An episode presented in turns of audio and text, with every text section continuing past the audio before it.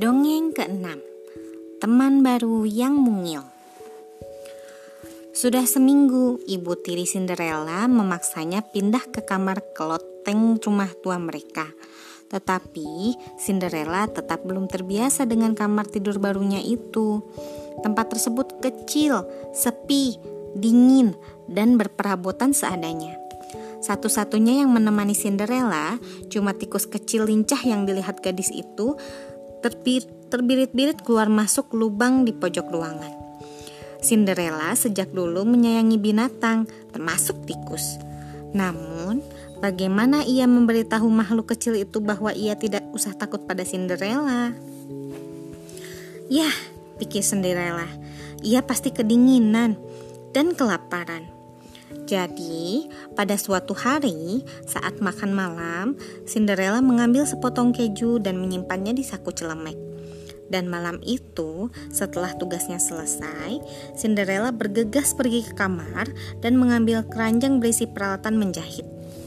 Ia memakai beberapa potong kain untuk membuat setelan baju seukuran tikus, kemeja dan topi merah, mantel jingga mini, dan sepasang sepatu coklat pakaian mungil untuk teman mungilku, katanya. Cinderella membawa pakaian-pakaian itu ke lubang tikus dan berlutut di depannya. Ia mengeluarkan keju dari saku dan meletakkannya bersama beberapa pakaian tadi di telapak tangan. Kemudian, ia meletakkan tangannya yang terbuka persis di depan lubang tikus. "Halo yang di dalam," ia memanggil.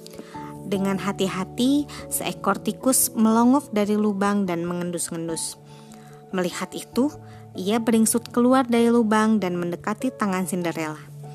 Ia berhenti sebentar dan memandangi Cinderella dengan tatapan bertanya. Silahkan, kata Cinderella ramah. Ini hadiah khusus untukmu.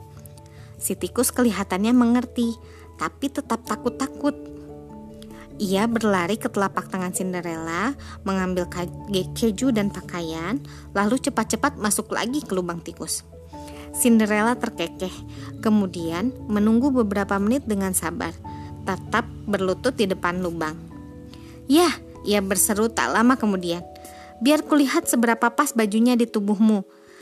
Pelan-pelan si tikus muncul dengan mengenakan pakaian barunya. Cinderella, Cinderella bertepuk tangan. Sempurna, serunya. Apakah kau suka? Tikus itu mengangguk. Ia lalu melompat seolah ada ide yang mendadak muncul di benaknya. Ia bergegas masuk lagi ke lubang. Kening Cinderella berkerut. Apakah ia membuat si tikus itu ketakutan? Tetapi kekhawatirannya lenyap begitu tikus itu muncul kembali bersama beberapa tikus yang lain yang membututinya dengan takut-takut. Teman lagi, seru Cinderella.